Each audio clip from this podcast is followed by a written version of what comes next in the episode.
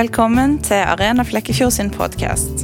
Vi håper at Arena kan hjelpe deg å finne gode svar på livets store spørsmål.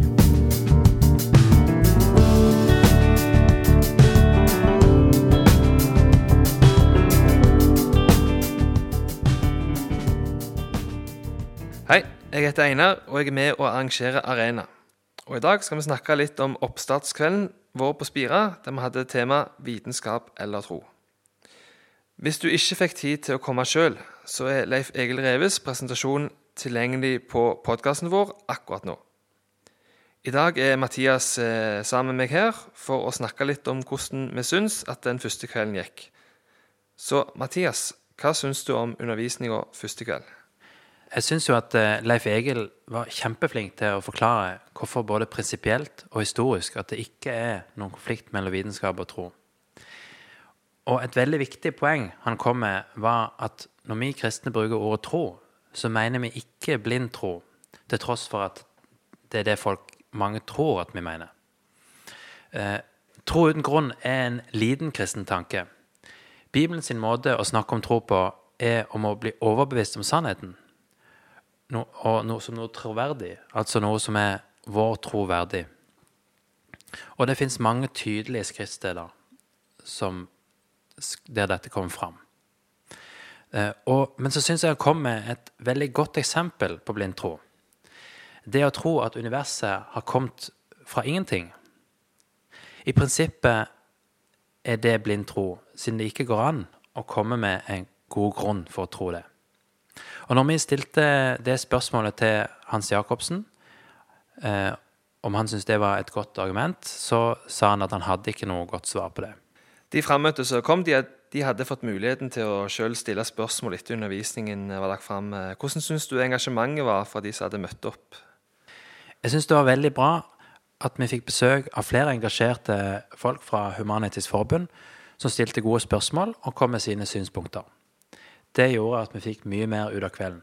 Etterkant av undervisningen fra både Leif Egil Reve og fra Hans Jacobsen fra Human-Etisk Forbund, så var det en dialog eh, de to imellom. Hvordan syns du den dialogen var? Det som var at eh, En stor del av Leif Egil sin presentasjon ble ikke utfordra i det hele tatt i den samtalen.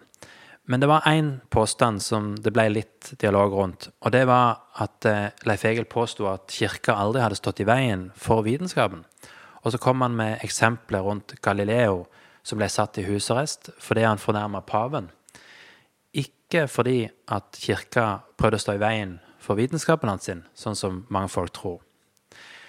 Der kom eh, det med eksempelet om Darwin, der det ble påstått at han ble hindra av kirka til å publisere sine verk.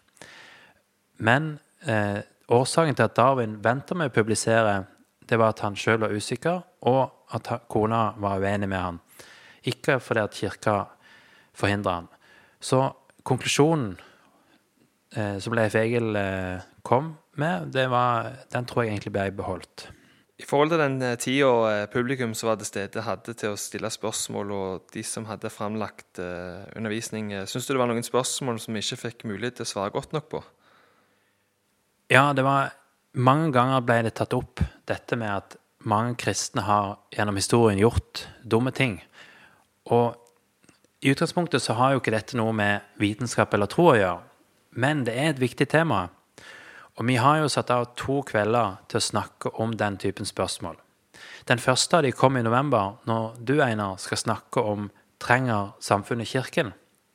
Og over nyttår så har vi en annen kveld der vi skal ta for oss det ondes problem. Så vi håper at vi kan svare veldig godt på det spørsmålet etter hvert.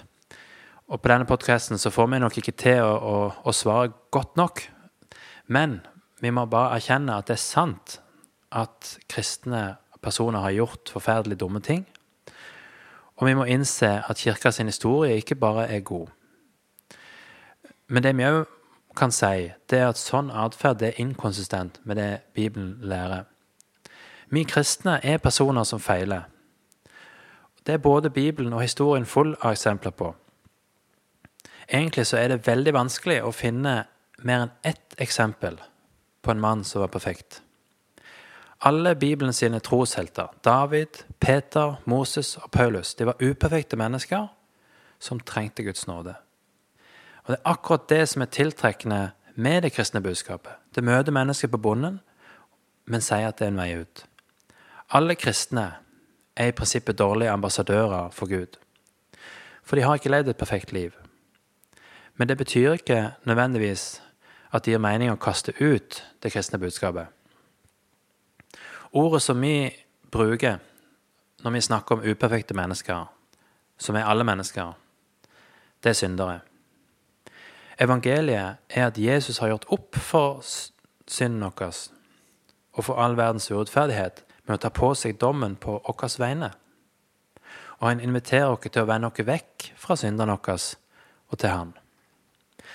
For min egen del så har jeg gjort ting som jeg ikke burde, og jeg vet at jeg trenger Guds nåde. Og det er forhåpentligvis det Kirka kan lære av den viktige kritikken som kommer fram i samtaler som denne. Dessuten er ofte den kritikken òg litt urettferdig, fordi at den rettes mot alle religioner, ikke mot kristendommen spesielt, og den rettes mot alle kristne, selv om de tingene som dras fram, handler om ting som har skjedd mange hundre år siden, i et annet land og et helt annet kirkesamfunn. Det er litt som om jeg skulle ha anklaga eh, en humanist i dag for det Stalin gjorde, bare fordi at han og Stalin ikke tror på Gud. Eh, betyr det at du er stort sett fornøyd med kvelden? Ja, det var både et spennende tema, en dyktig underviser og en god samtale. Takk for at du hørte på dagens episode. Hvis du vil vite mer om Arena, kan du finne oss på Facebook. Der heter vi Arena Flekkefjord. Eller gå inn på hjemmesida vår arena-flekkefjord.no. Vi vil gjerne høre fra deg, og vi håper at vi ses på Spira.